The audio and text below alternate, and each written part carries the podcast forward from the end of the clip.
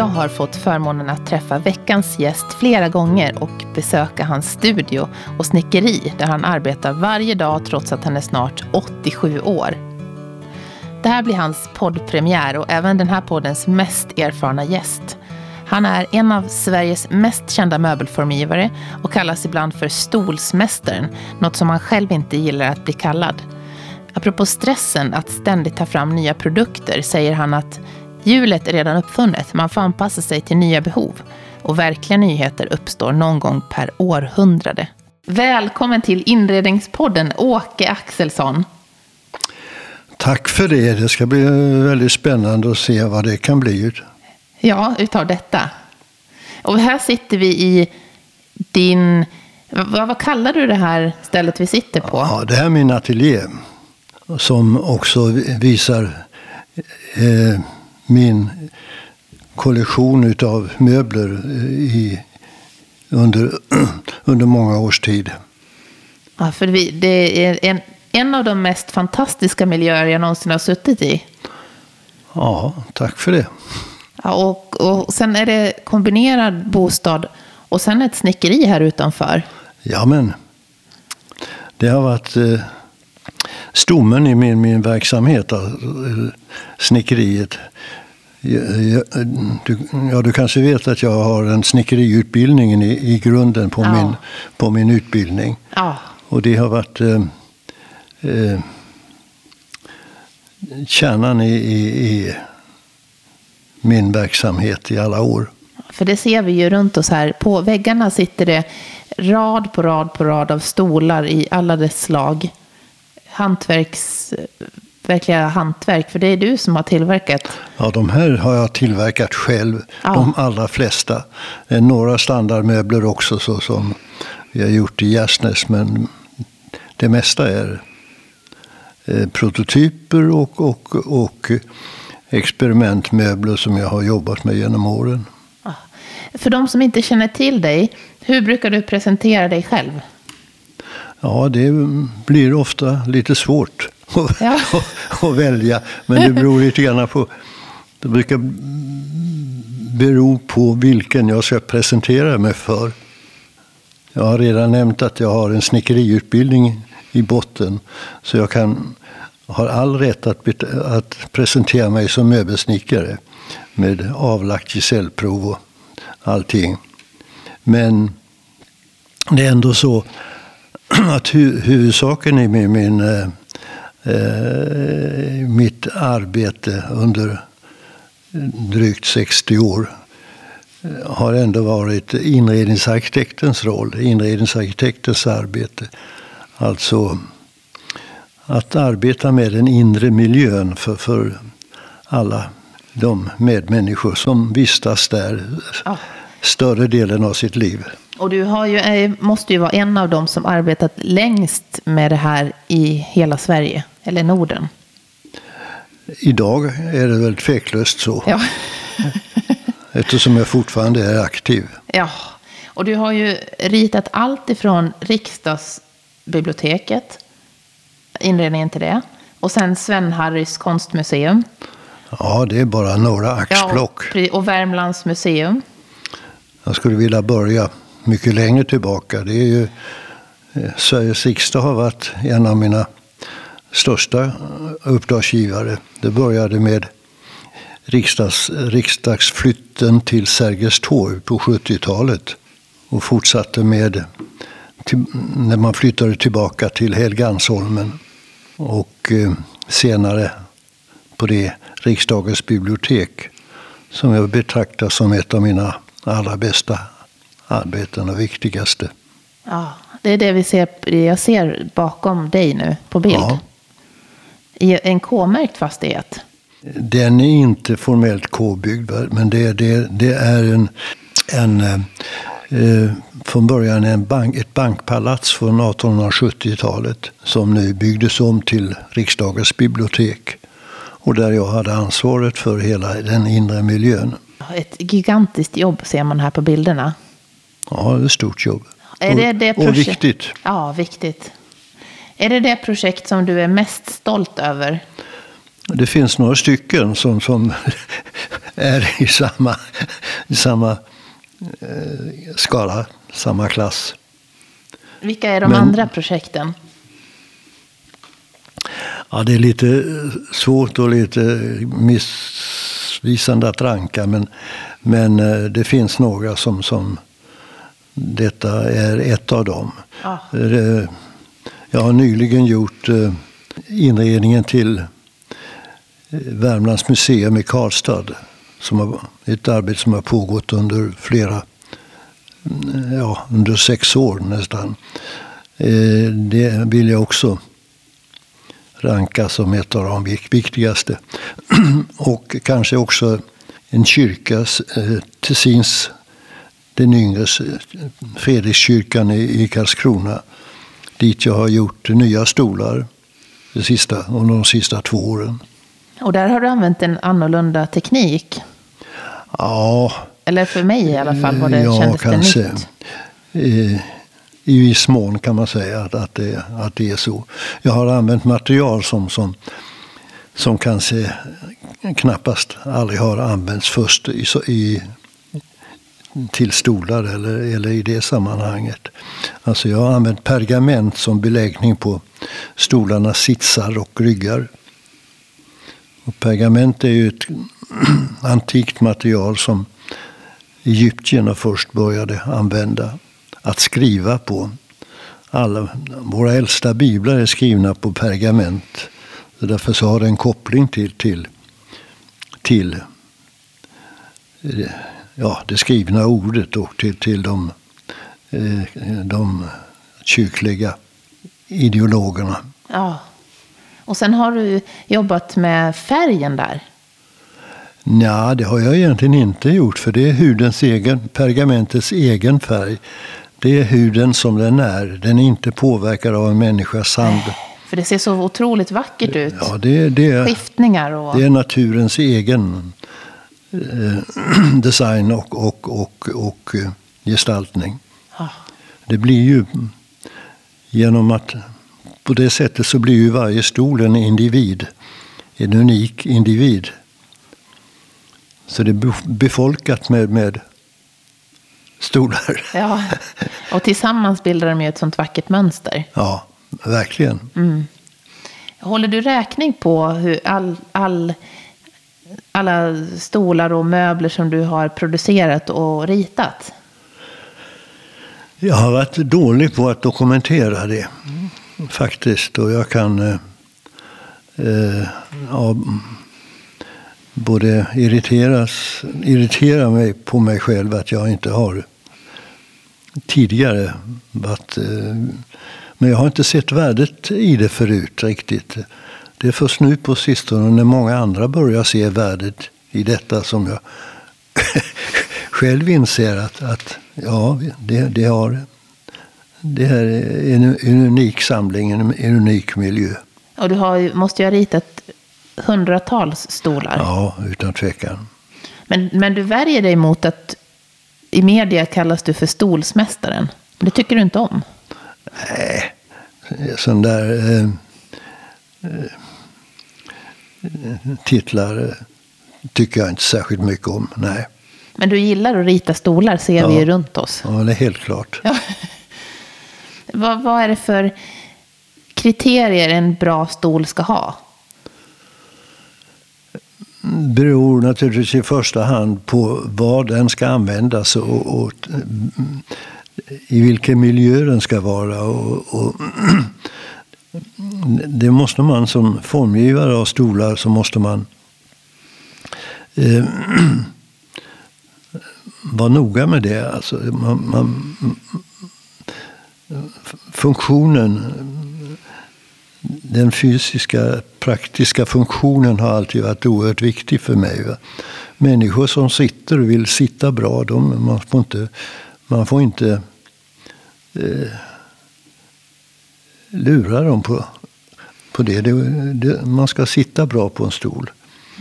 Och det är inte alla som, som formgivare som delar den uppfattningen med mig. Nej, utan att det ska vara estetiskt. Lite estetiken och, och, och uttrycket går blir viktigare än, än, än eh, funktionen. Ja. Och det, eh, ja, det försöker jag att, att inte fälla, falla i den. Jag kan göra saker och ting mm, för min egen skull. Där jag har full frihet att göra precis vad jag vill utan att någon behöver bry sig om det. Och det tycker jag är allas rätt att göra. Men om, om man ska om man ska göra en stol för andra människor så, så måste man eh, använda de kunskaper som finns för att göra en bra stol. Ja, du frågade om vilka kriterier det är. Ja, det är i första hand komforten, det har jag redan svarat på. Ehm, sen, jag arbetar ju, har nästan bara arbetat med den offentliga miljön. Och där är ju höga krav på, på, på, på hållbarhet, funktion, eh, eh, att det ska vara lätt att hantera. Den ska, man ska kunna ja, stapla, koppla kanske i många fall. Och sådana, sådana praktiska eh, eh, saker som, som måste fungera. Mm. många människor som jobbar hela dagarna med att hantera stolar. och De ska vara lätta. Det är min, min en egenskap som jag tycker är viktig. Man ska inte använda mer material än vad absolut är nödvändigt för, för, för styrkan. Mm. Uh, Där måste det, du haft en fördel också i och med att du kan materialen så bra. Eftersom du har din gedigna det har jag bakgrund. det har jag i händerna från, från min, från min uh, utbildning som möbelsnickare.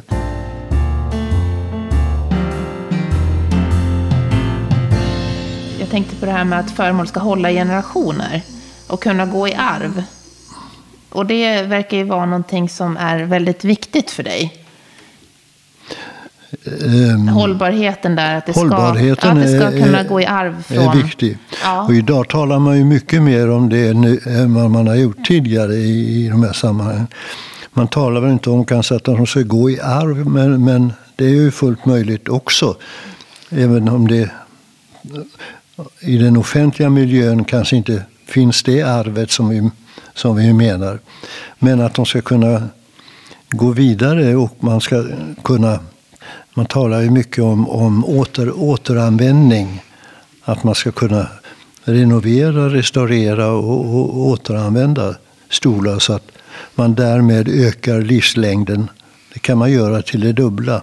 Och då, då, då har man mycket sparat in mycket både ekonomiskt och, och, och eh, resursmässigt. Mm. Är det därför du har jobbat mest med i trä, materialet? Ja, inte bara därför, men, men för mig har det på grund av min bakgrund som, som möbelsnickare så det, har det varit det naturliga valet. Mm. Men jag har också prövat på eh, stålrör och, och metallproduktion ja, i, ett, i några ett, sammanhang. Visa ett exempel här på väggen. Ja, det finns det. Ja. Och det var ett stort projekt som jag hade. Att göra inredningen till, till, en, till ett konstcenter i, i, i Newcastle i England. Alltså. En gammal mjölkfarm som, som som kommunen byggde om till ett eh, modernt mm, konstcentrum, Art Center. Ah. Och där, i den gamla industrimiljön som det handlar om så tyckte jag att, att där passade det bättre med, med, med metall och strålrör än, än med trä.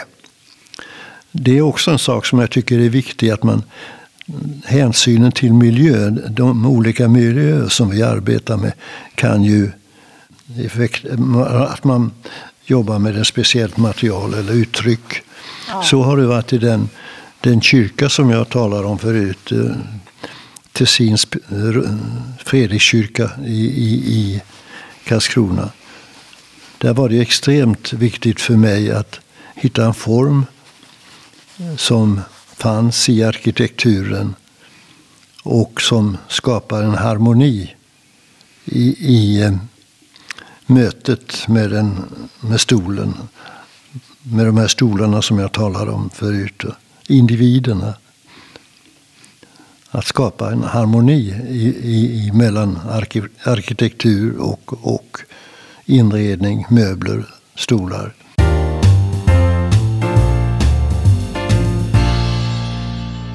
Något annat som du verkar vara, ha varit och är väldigt framgångsrik med, det är att vara lyhörd för beställaren. Det sa du när vi sågs häromdagen, att, det är, att du har ju massa möt, avstämningar och möten med ja. beställaren.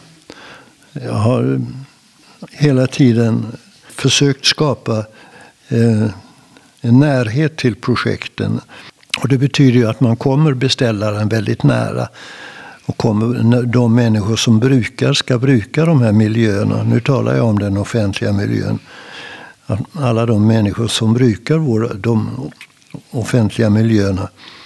Att man får en kontakt, en relation med de representanter som, som representerar projektet. Eh, det är oerhört viktigt för, för resultat, för slutresultatet. Man kan, inte, man kan aldrig jobba emot någon i det sammanhanget och tro att man ska kunna nå ett bra resultat. Du, tycker, liksom, du trycker inte på någon, din bild så, utan du anpassar dig efter? Nej, inte. Man kan inte pressa fram en egen eh, gestaltning om det inte finns eh, en god relation med, med, med beställaren. Och jag har haft lätt för att skapa goda relationer med, med, med de beställare jag har, mm. har arbetat med. Och då med många. Men du växte upp i, på en gård i skogen i Småland. Ja. Med sju syskon. Ja. Ja, och sen när du var 12 år. Åtta med mig själv. Ja, åtta. och sen när du var 12 år så tillverkade du det här skåpet som vi har. Som jag ja, har här. Det finns där borta. Där är det ja. Som är ett fantastiskt vackert litet skåp. Och då kan man ju tänka sig en 12-åring som gör det skåpet måste ju ha talang. Men hur kom, hur, hur kom du från skogarna i Småland till att eh, bli den du blev? Hur kom det sig att du tog dig därifrån? Ja, det är en lång historia. Men kort, jag får ta kortversionen då. vi tar mellanversionen kanske. Eh, jag hade en eh, folk, folkskollärare i den sexåriga folk, eh, folkskola som jag gick i. Höga Gärde skola i södra Småland. Han var själv Karl Håkansson hette han. Han var själv duktig tecknare och målare. Eh, och hade intresse för slöjd och, och, och, hantverk. Så han såg väl min fallenhet för, för, för eh, i det här skåpet som han naturligtvis hjälpte mig också där eh, till. Och eh, såg till att jag efter de sexåriga folkskolan eh, kom i, eh, sökte och kom till en fyraårig eh, snickarskola i Visby. Alltså då flyttade du hemifrån som tolvåring? Nej, det var ett par år emellan. Så 15-åring var jag. Var, så jag var hemma och jobbade i skogen i, i ett par år också emellan. Ja. Men vid 15 års ålder så cyklade jag till Kalmar och tog båten till Visby och började en fyraårig eh, snickeriutbildning. Hur var det då när du kom till Visby? Det var fantastiskt. Det var fyra år, fantastiska år. En bra skola.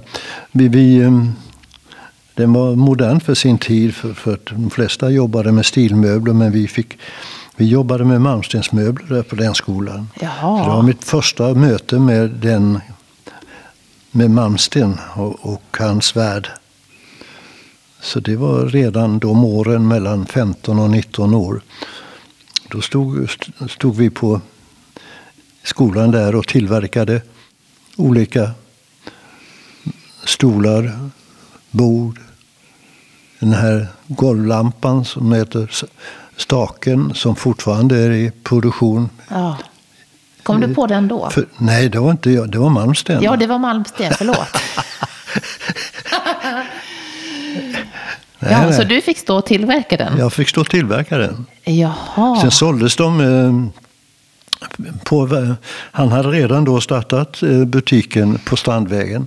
Så vi arbetade med möbler som sedan såldes i, i, i butiken. Oj, det var nästan lite barnarbete. Ja, det kan man väl säga, men så betraktades det inte. Nej, det är klart. Tvärtom. Ja. Och det, så att, eh, Men vad sa familjen när du... För det måste ju ha varit väldigt annorlunda att, med tanke på att du växte upp på en gård.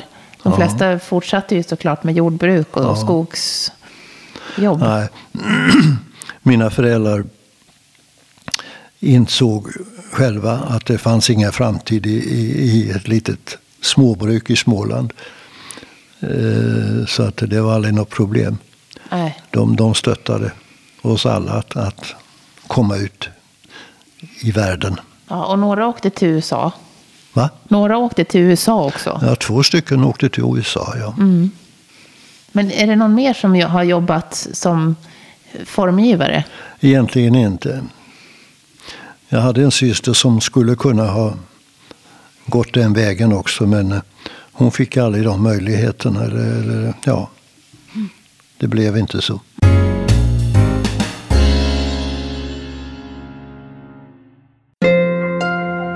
Den här veckan kommer poddens första nyhetsbrev att skickas ut. Det kommer att mejlas ut en gång i månaden och där kommer du att få ta del av nyheter, tips från gästerna, erbjudanden och så vidare. Lämna din mejladress på inredningspodden.com där också alla avsnitt finns samlade. Något som jag tycker var också intressant var att du gjorde praktik i Tyskland, efterkrigstyskland, Ja. i ett halvår.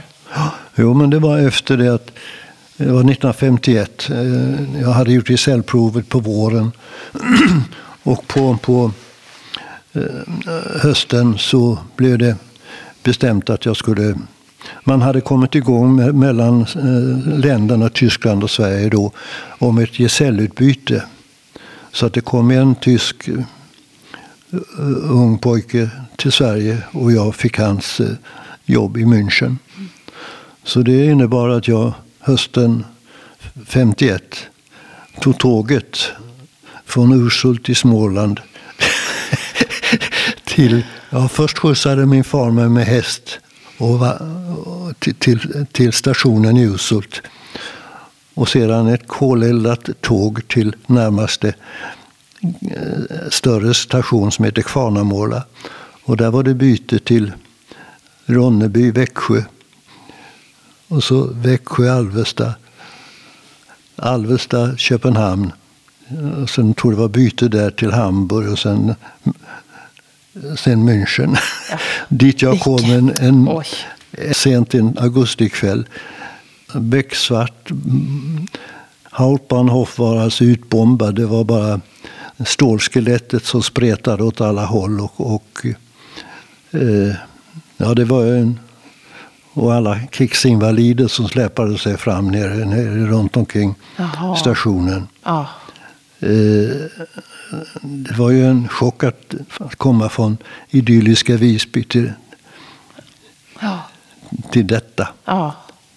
Men eh, jag skulle bo på ett katolskt jugendherberge så jag lyckades hitta det på kvällen. Och, ja, sen kom jag in i det och tyckte att ett halvår var väl rätt lagom. Men, men eh, det gav mycket, intresse, mycket erfarenhet och jag har överhuvudtaget klarat sig själv, vilket jag var tvungen att göra. Och just att komma till ett sånt ställe, även om det var då sex år efter krigsslutet. Ja, så det måste var det ha sex år varit, efter kriget. Ja. Men, men man hade just då börjat eh, riva i ruinerna på allvar. Mm. Det var fruktansvärda sönderslaget. Men de hade ändå, ändå kommit igång med snickeri och... Ja, fast det var i en källarlokal som, som inte var särskilt, men, men det var intressant. Vi, vi gjorde, eh, de hade uppdrag att göra en hel del möbler till den amerikanska eh, ockupationsstyrkan. Som, som, som, det var ju en stor... Det, var ju, det, det tillhörde ju den amerikanska zonen. Ja. Så det fanns ju en stor eh, andel eh, amerikanska administratörer och ja, alla möjliga människor. Så vi gjorde garderober och bord och sängar och sånt där till dessa.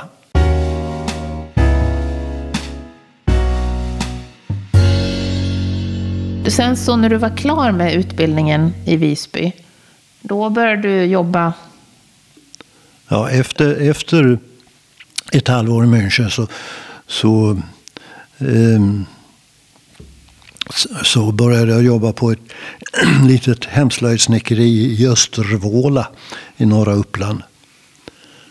Eh, och eh, ja, det var ett halvår. Det, det kändes som att det var ingen framtid i det heller. Så att, men då hade jag fått reda på att man kunde söka till Konstfackskolan i Stockholm. Vilket jag gjorde och kom in. Så hösten 52 gick jag in genom de stora portarna till, till Konstfackskolan. Som då låg på Mäster Samuelsgatan nere i Klarakvarteren. Det här var ju innan man hade börjat sanera Stockholm. Ja. Hur såg Och det då ut då? tyckte jag att, att livet började om på nytt. Det var fantastiskt. Miljö. Var det bättre än Visby-upplevelsen?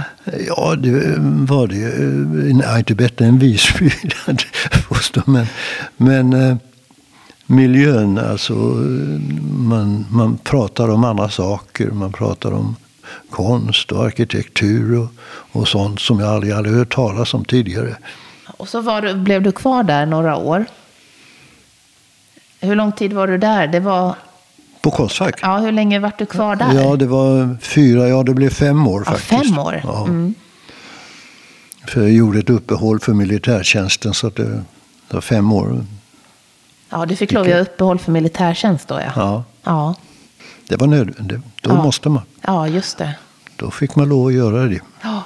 Och sen började du jobba eh, för Gärsnäs ganska tidigt. Nej, det ligger långt fram i tiden. Jaha. Eller längre fram. Jo, rätt långt fram. Nej, men eh, målet eh, för oss som gick på Konstfackskolan det var ju att gå ut och jobba på ett ledande arkitektkontor. Du ska veta att det var ju Mm, efter kriget då, då på 50-talet, då hade ju eh, det byggdes som aldrig förr och det var en sån, det var en, en framåtanda, optimism och, och, och, och som aldrig förr och inte, eller senare. Va? Så att eh, det var ju inte något problem för, oss att få jobb. Det var snarare var man ville börja jobba någonstans som, som var, man skulle välja. Visste du då vad du ville rikta dig åt? Kände du då att... Ja, då hade jag börjat eh, få lite grann. Eh, ja, lite kunskap om det.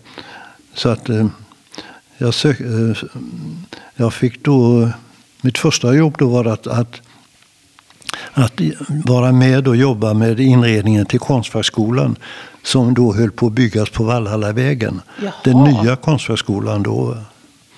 Så att jag gick från den gamla som elev och jobbade med Att rita det nya? det ritade nya. Så Ja, det var ju lite udda. Lite spännande. Ja. Då, då kunde man ju verkligen miljön och visste vad, vad, vad som var viktigt.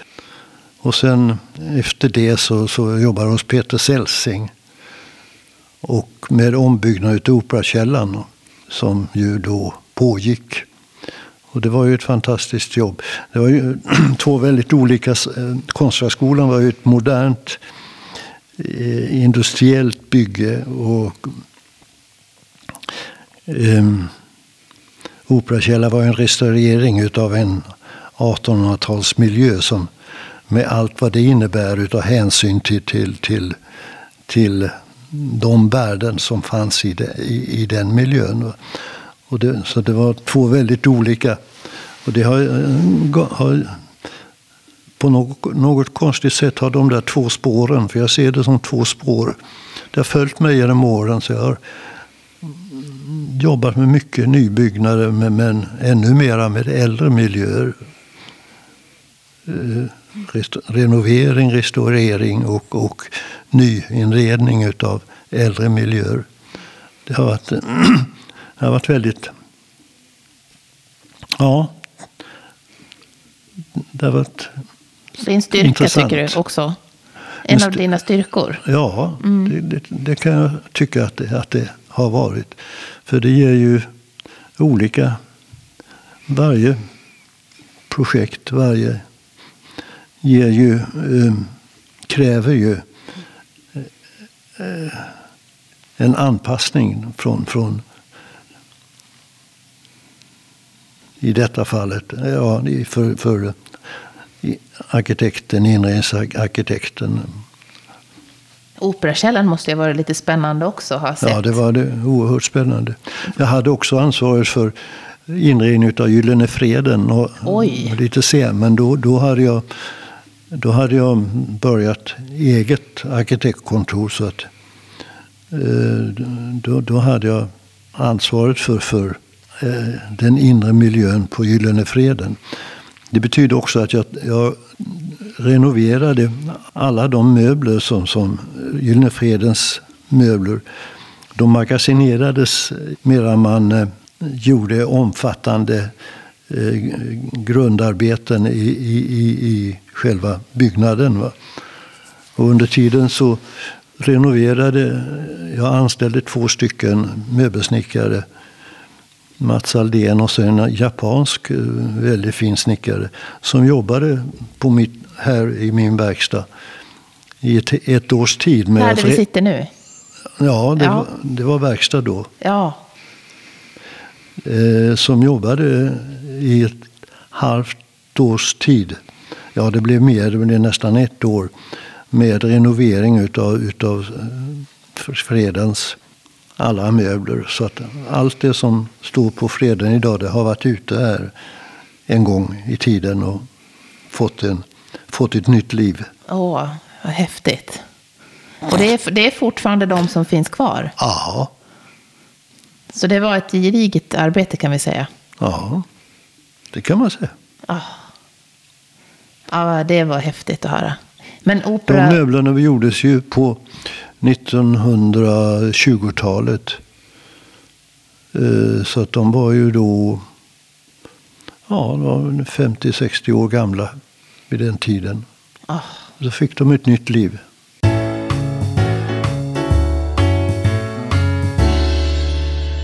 Vi måste ju säga det att du är ju faktiskt snart 87 år. Det är det jag är. Snart ja. snart. Och du arbetar ju fortfarande fullt aktivt. Och sen så... Du började jobba med Gärsnäs. Nu har du väl ändå börjat jobba med dem? Ja. I när vi tittar tillbaka ja, i historien. Nu, nu. Och idag så äger du ju delvis eh, Gärsnäs ja, med din dotter. Tillsammans med min dotter och hennes man, ja. Ja. Men Gärsnäs, var det på 60-talet du började jobba med dem? Ja, eh, det var det. Och det var... får ta den historien lite kort, men... men eh, jo, då hade jag börjat eget och eh, också börjat eh, mera mm, aktivt arbeta med möbelform, möbeldesign. Ja, man talar inte om design då, utan möbelformgivning. Och ehm, vid den tiden så eh, startade man i södra Skåne, i, i i Rödboksdistriktet där ett ehm, propagandautskott för att man skulle, man skulle vilja arbeta för att använda mer rödbok i, i möbelproduktionen. Man skulle, Därför att eh, trenden var att man, att man avverkade eh, boken och planterade gran istället. Vilket förändrade landskapsbilden. Vilket då framsynta eh, skåningar ville försöka förhindra. Och då menade man att om man skapade en efterfrågan på bok så skulle man plantera tillbaka boken istället. Mm. Och, och då utlyste man en, en möbelpristävling bland arkitekter för att eh, skapa ett intresse för detta. Jag gjorde ett, för, ett förslag och fick ett andra pris för det. Som sedan sattes i produktion av Gärsnäs som var ett, en av deltagarna i, i den här propagandautskottet. Så att eh, det, därav kom det sig att jag eh, fick, hösten 63 eh, åkte ner till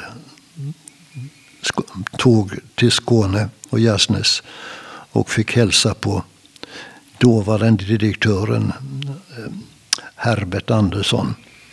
Och eh, det, de, de tog alltså upp denna stol som, eh, till produktion och den blev en eh, mycket uppskattad stol som, som fortfarande efter alla dessa år vi har i produktion i Gärsnäs. Så att man kan väl tala om med rätta om att det är ett gott exempel på hållbar design. Verkligen. Eh, men det leder alltså vidare till, till ett omfattande samarbete med Gärsnäs under 60, 70, 80-talet. Så att jag var väl en av flera ledande eh, inredningsarkitekt och möbelformgivare som, som då arbetade för Gärsnäs. Och sen kände du att nej men nu köper jag det här stället? Nej, så enkelt var det inte. nej, okay. nej, det var en lång process. Men jag, kände, mm, när jag, var, jag, jag gjorde då, jag kände ändå att jag hade inte kontroll över min egen produktion. Och det ville jag ha. Så jag startade ett litet företag som heter Galleristolen tillsammans med min dotter Anna i slutet på 80-talet. Och vi hade vår första utställning på, i tyska Brunnsplan. Vi hade eh, ja, en viss framgång med detta. Så att vi växte och eh, sen eh, kom Dag Kloppy som då hade träffat Anna och eh, var ett par. Så han mm, var då, hade då en ekonomisk bakgrund och, och det var väl precis vad vi behövde i Galleristolen då. Så, så han ble, fick då, vara med er? Då, så då blev vi tre. Ja. och det var väl en räddning för, för Galleristolen och ja, indirekt också för mig kanske. Naturligtvis. Men, eh, idag, idag jobbar ni ju alla tre fortfarande ja, med Gärsnäs. Det ledde alltså fram till att på 90-talet eh, så var det Gärsnäs som hade lite svårigheter. Och vi blev tillfrågade om vi ville gå in i företaget och som delägare. Vilket passade oss bra då.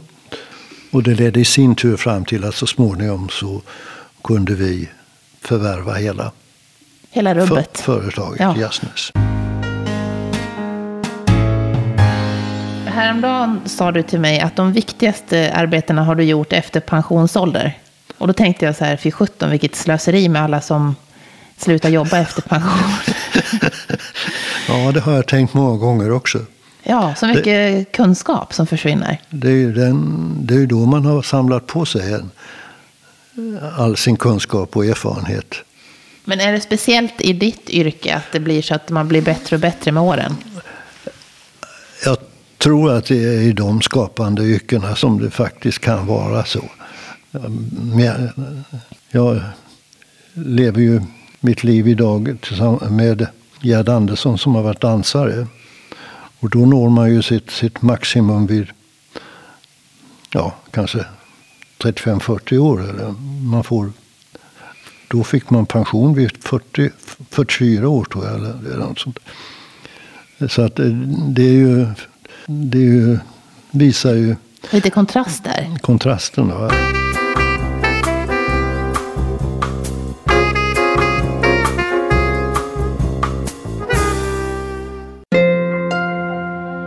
Gå gärna in och prenumerera på Inredningspodden med Johanna Hulander så vet du när nästa avsnitt släpps.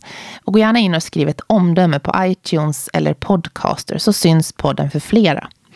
Du kan också följa podden på Instagram under inrednings podden.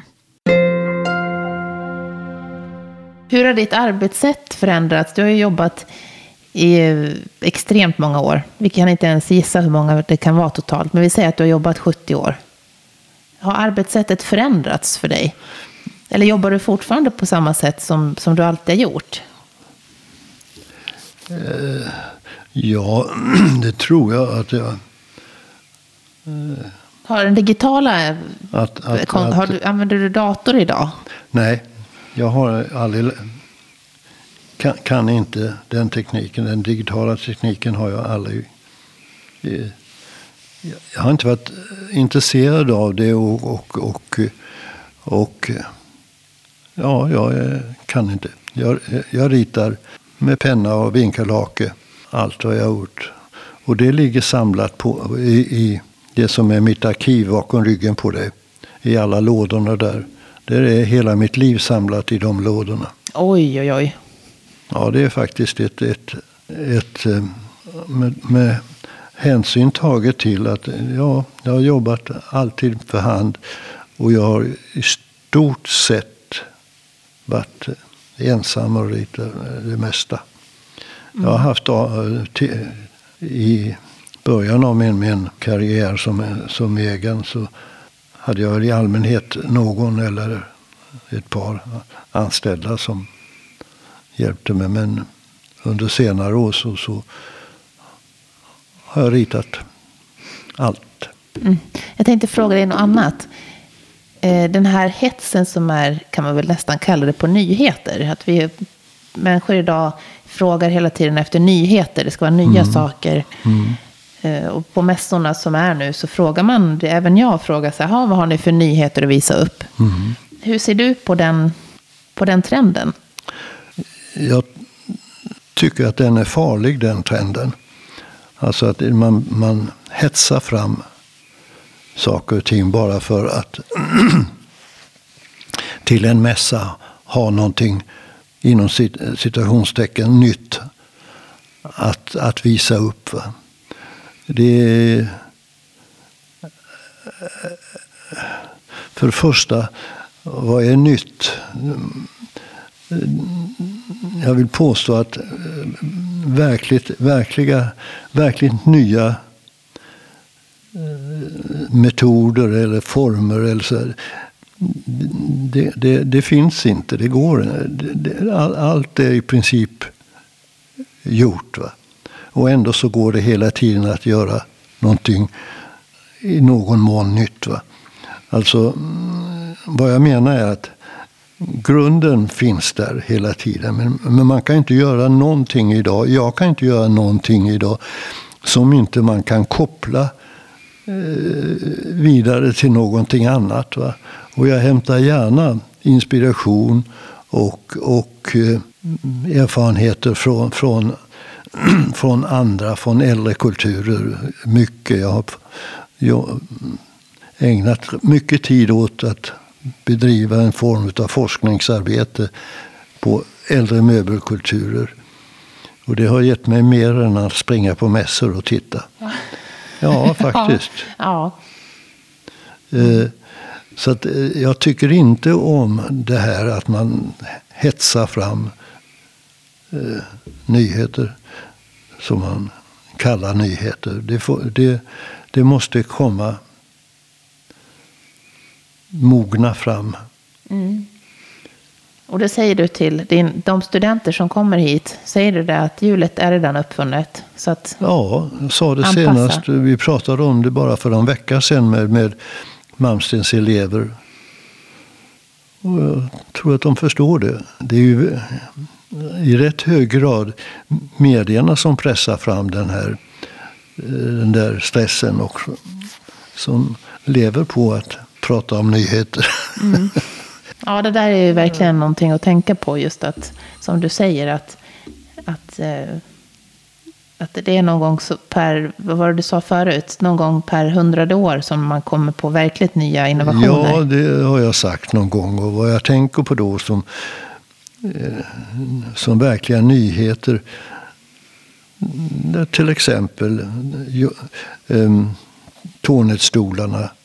Mikael Tornet som, som visserligen inte uppfann tekniken att böja trä. Men han, han gjorde det möjligt att industriellt tillverka och i, i, i, i eh, möbler i stor skala. Och det blev ju världssuccé som, som har hållit sig i 150 år vid det här laget. Så, så görs ju samma stolar som jag har hängande här bakom ryggen på mig. En stol som... Eh, och jag har gjort en stol efter en tidigare Tornet-stol. Eh, och... Eh, bara det att jag har inte gjort en exakt kopia utan jag har gjort ett tillägg som gör att det går att stapla den och dels anpassa den till krav som man har idag men som man inte hade på 1800-talet. Den typen av tillägg tycker jag är motiverade och försvarbara. På din fritid, har du någon fritid? Vad gör du för någonting då? Du har ju fyra får här utanför. Ja, jag har fyra får som jag matar på min fritid. Är det de som är din hobby? så? Ja, det kan man nog kanske säga att det är, påstå att det är. Mm, Det är ju inte så gammalt. Det, ja, intresset, eller kunskapen om får har jag ju med mig från min barndom. För det var ju, vi hade alltid ett antal får som gick och bräkte. Men eh, det var ju för att, eh, det var ju bara för att ha som föda. Va? Alltså de, de födde man ju upp för att sen kunna slakta och, och, och äta. Det är inte min avsikt med de här fyra fåren som jag har här. Nej. Men däremot så skapar de faktiskt en harmoni som, jag, som, som är stark tycker jag. Och sen blev det så att du är tillbaks, Och- du är tillbaks lite där du är uppväxt också nu med att ha ja, djur. Ja, Igen. jag känner det. Jag känner det släktskapet. Och, och min, inte minst just fåren som går här och, och eh, betar och sköter sig i stort sett själva. De ska ha mat morgon och kväll nu på vintern. Då måste jag ut och ge dem snart. Men eh, det, det skapar en sorts harmoni i, i, i landskapet och i, i mitt umgänge med dem. Finns det någon person som du skulle vilja...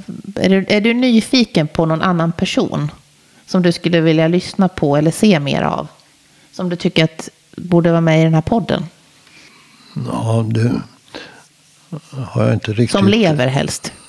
Det, det förstår jag att det är viktigt.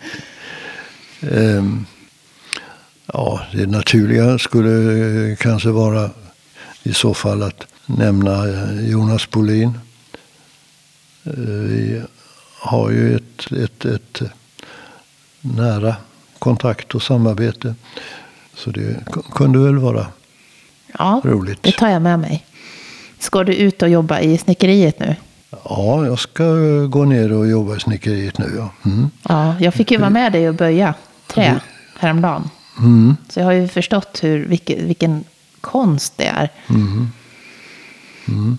Mm. Så att jag säger tack så hemskt mycket för att jag fick komma hit och träffa dig. Det var det otroligt intressant.